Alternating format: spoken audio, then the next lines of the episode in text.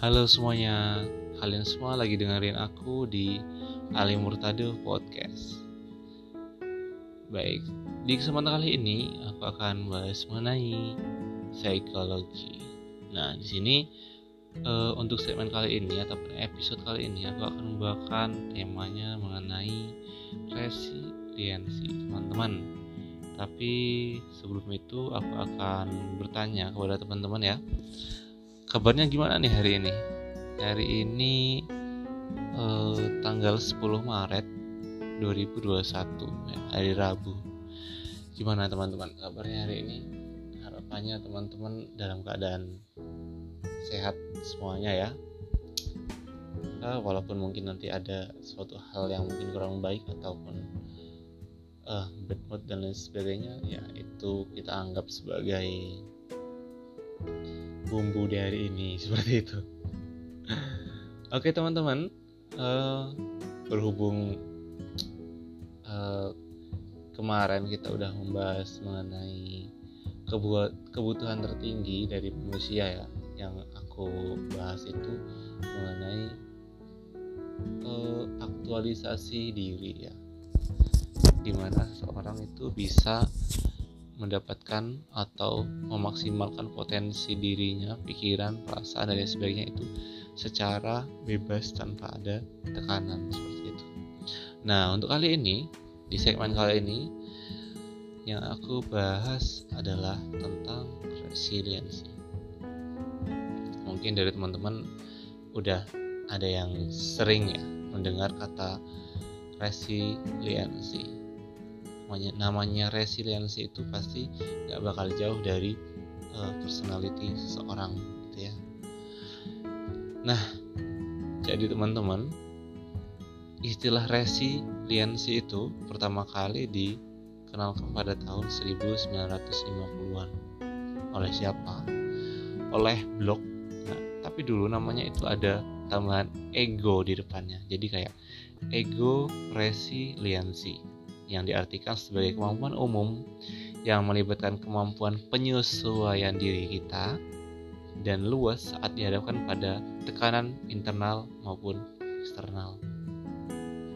Nah, jadi itu pada dulu zaman eh, 1950-an itu konsep ini itu diterapkan pada anak-anak gitu ya, di mana eh, apa ya pada zaman dulu itu hmm, dikenalnya ini sebagai stress resistant gitu ya. Jadi belum namanya belum resilience gitu. Belum se apa ya se simple sekarang gitu ya. Nah jadi teman-teman uh, sebenarnya kalau ngobrolin tentang resiliensi gitu ya itu kita nggak bakal jauh dari namanya gimana sih cara menumbuhkan resiliensi itu terus gimana sih ciri-ciri orang yang memiliki resiliensi yang tinggi yang baik kayak gitu. Kita akan bahas nanti setelah ini ya. Setelah aku bacain uh, pengertian dari resiliensi yang kedua ini. Nah jadi teman-teman uh, menurut uh, jurnal Dictionary of Psychology karya Van den Bos tahun 2015 halaman 9 eh, sorry halaman 910 ya resiliensi itu adalah sebuah proses dari hasil adaptasi yang dengan pengalaman hidup yang sulit atau menantang terutama melalui mental, emosional, dan perilaku yang fleksibilitas baik penyesuaian eksternal dan internal. Nah, jadi kalau misalnya kita mengadopsi dari pengertian resiliensi yang pertama ini ya. Dari uh, jurnalnya Van den Bos ini resiliensi itu didapat ataupun ya diperoleh dari pengalaman masa lampau gitu ya. Masa lampau yang itu uh, sangat menguras emosi mental dan perilaku gitu ya uh, mungkin kalau misalnya aku jabarin gitu seseorang pernah uh, pada fase dia mendapatkan tekanan yang melibatkan emosi, perilaku dan pikiran pada zaman itu. Terus sekarang itu membentuk resiliensi yang lebih baik. Jadi itu uh, kita belajar dari pengalaman masa lampau. Ini kalau misalkan uh, menurut Van den Bos. Tapi teman-teman, uh, entah itu dari pengalaman masa lampau ataupun masa yang sekarang dihadapi gitu ya, ataupun dari pengalaman orang lain tetap bisa mempengaruhi resiliensi kita yang sekarang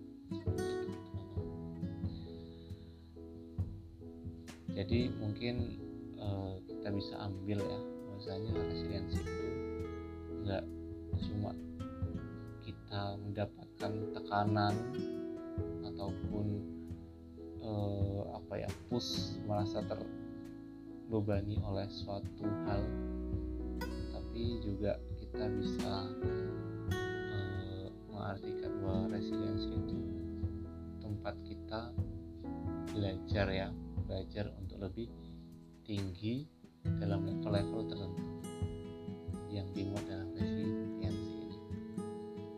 Nah begitu teman-teman. Itu kalau misalnya dari pengertiannya nah terus kan kalau namanya resiliensi itu bakal ada faktor-faktor eksternal atau internal yang membentuk itu. Kayak kita lanjut. Kalau menurut Davis ya menurut Davis ini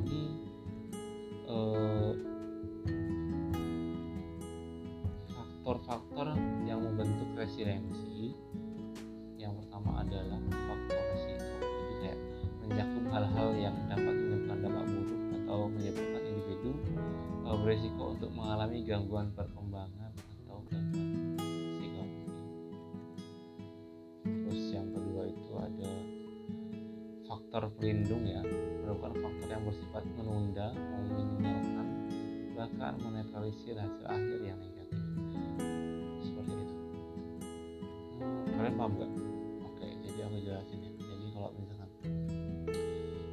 Resiko itu dia lebih kepada eh, gimana sih? Dia itu eh, menghadapi sebuah masalah ataupun sebuah resiko gitu ya. Dia akan mengambil resiko itu atau tidak. Nah jadi di sinilah letak eh, gimana residensi itu awal-awal terbentuk kayak gitu. Kalau misalnya kita ambil tentang namanya uh, gangguan ataupun hal-hal buruk yang dia alami pada waktu itu uh, cepat atau lambat itu akan menjadi kayak pelajaran buat kita. Jadi kayak ketahanan diri kita mengenai mengenai uh, apa ya kalau misalnya aku bilang tuh push dari atas seperti itu ataupun dari berbagai tempat berbagai uh, penjuru gitu itu akan membuat uh, diri lebih kuat. Seperti itu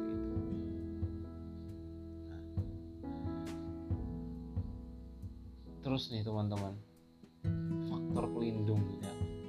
Di sini dijelaskan kalau misalnya faktor pelindung itu bersifat menunda ataupun meminimalkan ya bahkan menetralisir hasil akhir yang negatif.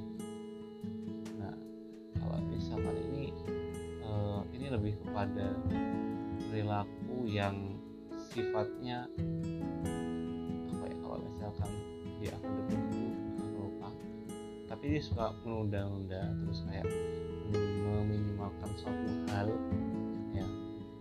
Terus uh, kalau misalnya ada suatu hal yang mungkin ke depannya itu agak ada bayangan negatif seperti itu dia lebih uh, berupaya untuk menetralisir seperti itu. Ya jadi kayak misalnya dibilang kayak defense kita itu terhadap sebuah tekanan kita itu lebih defense pada waktu itu jadi itu nggak nggak kayak yang pertama. Kalau misalnya yang pertama kan dia ambil resiko itu ambil tekanan itu dan dia melewatinya kalau yang ini lebih pada self defense nya seseorang terhadap sebuah tekanan ataupun terhadap uh, masukan-masukan yang mungkin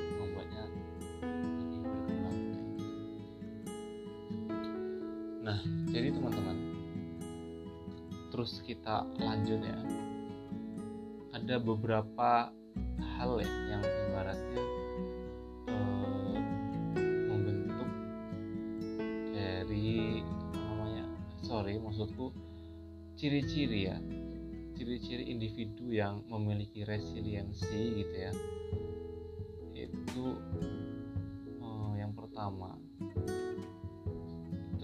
kepada intelektualnya itu baik dan problem solvingnya tuh juga baik kayak gitu. Jadi orang-orang yang mungkin berresiliensi besar ketika mereka mendapatkan tekanan dia lebih lebih apa ya uh, lebih slow kayak gitu. Slow di sini dengan tanda kutip tetap bisa mengontrol tekanan itu kayak gitu.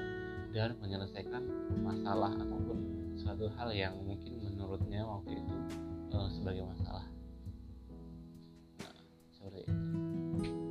Terus kalau misalkan uh, yang kedua itu biasanya uh, orang yang memiliki resiliensi yang tinggi baik seperti itu lebih bisa beradaptasi terhadap perubahan. Misalnya misalnya kita dalam pekerjaan aja nih dalam pekerjaan ini kita tiba-tiba mendapatkan uh, suatu tekanan dari atasan seperti itu ya.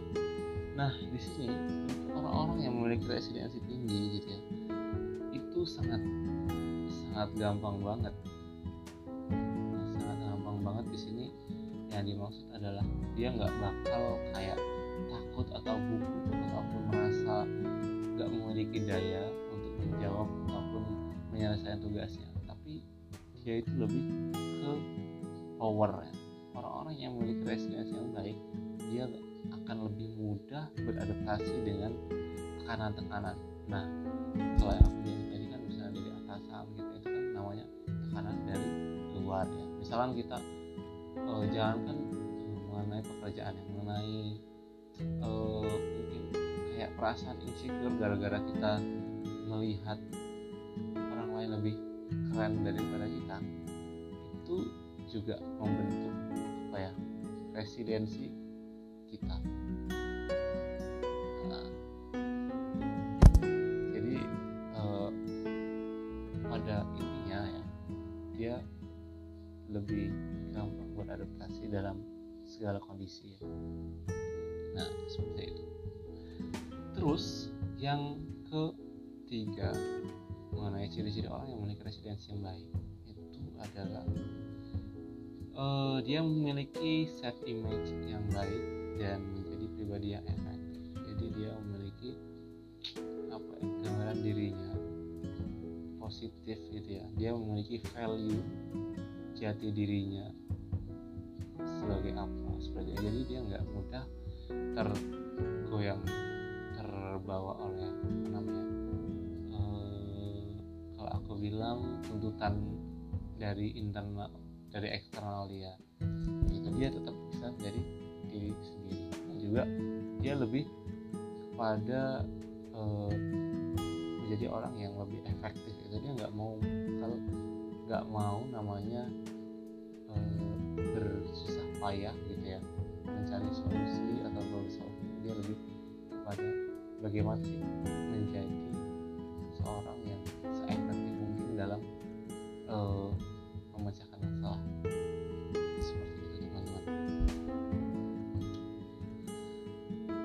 jadi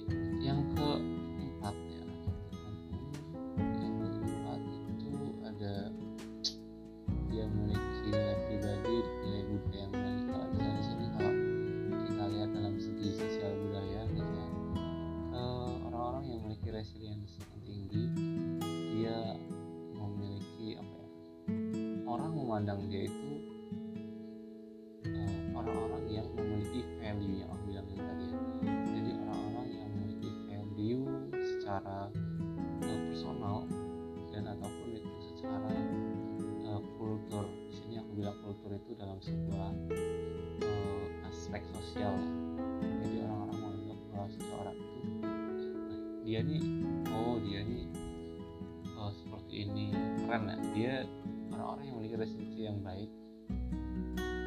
Orang-orang yang melihatnya melihat orang yang memiliki resepsi yang baik akan lebih apa ya uh, memiliki makna di uh, di mata orang lain. Terus nih teman-teman. Orang-orang yang memiliki resiliensi yang tinggi nggak cuma itu aja tuh ciri-cirinya. Ada satu lagi.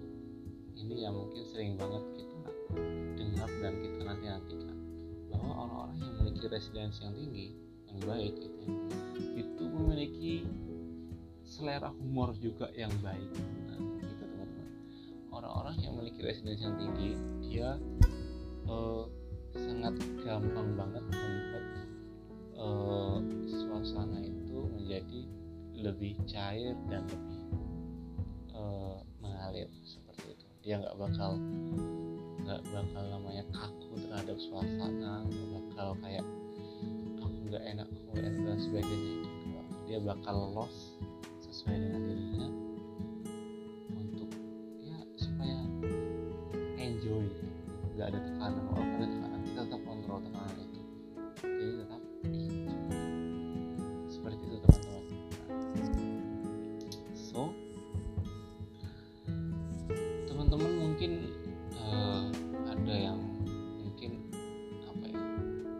berada pada list yang sebutkan tadi gimana sih bang kalau misalnya kita itu nggak ada di dalam uh, list yang kamu baca list yang mana? Kalau misalnya aku bilang di ciri-ciri ciri-ciri orang yang memiliki resiliensi mungkin kalau misalnya aku bisa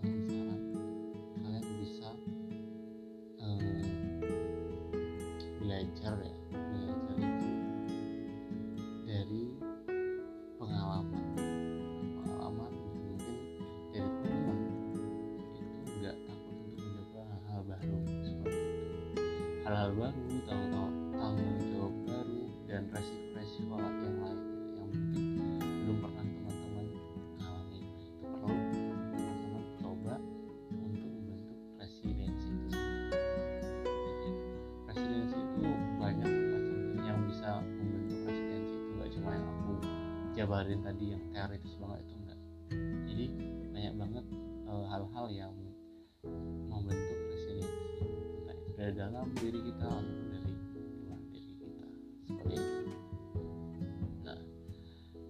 jadi teman-teman eh, kutipan yang aku dapat hari ini yaitu eh, lebih kepada kita ini terbentuk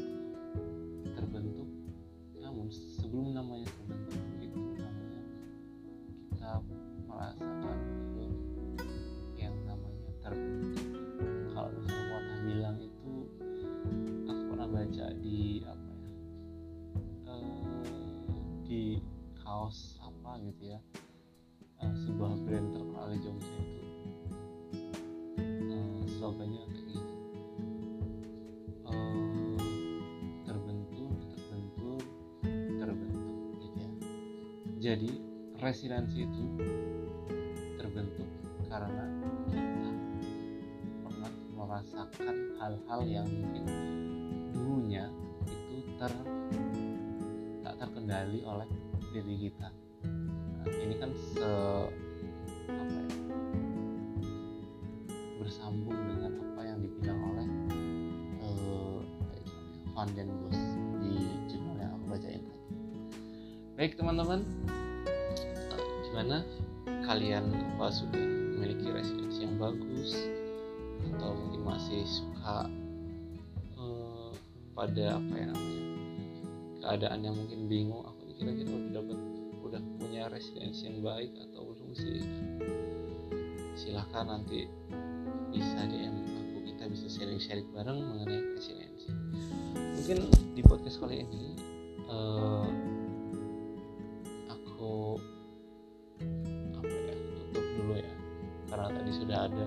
pada podcast kali ini terbentur terbentur terbentur. Semoga ini menjadi pesan buat teman-teman ataupun buat diri kita sendiri.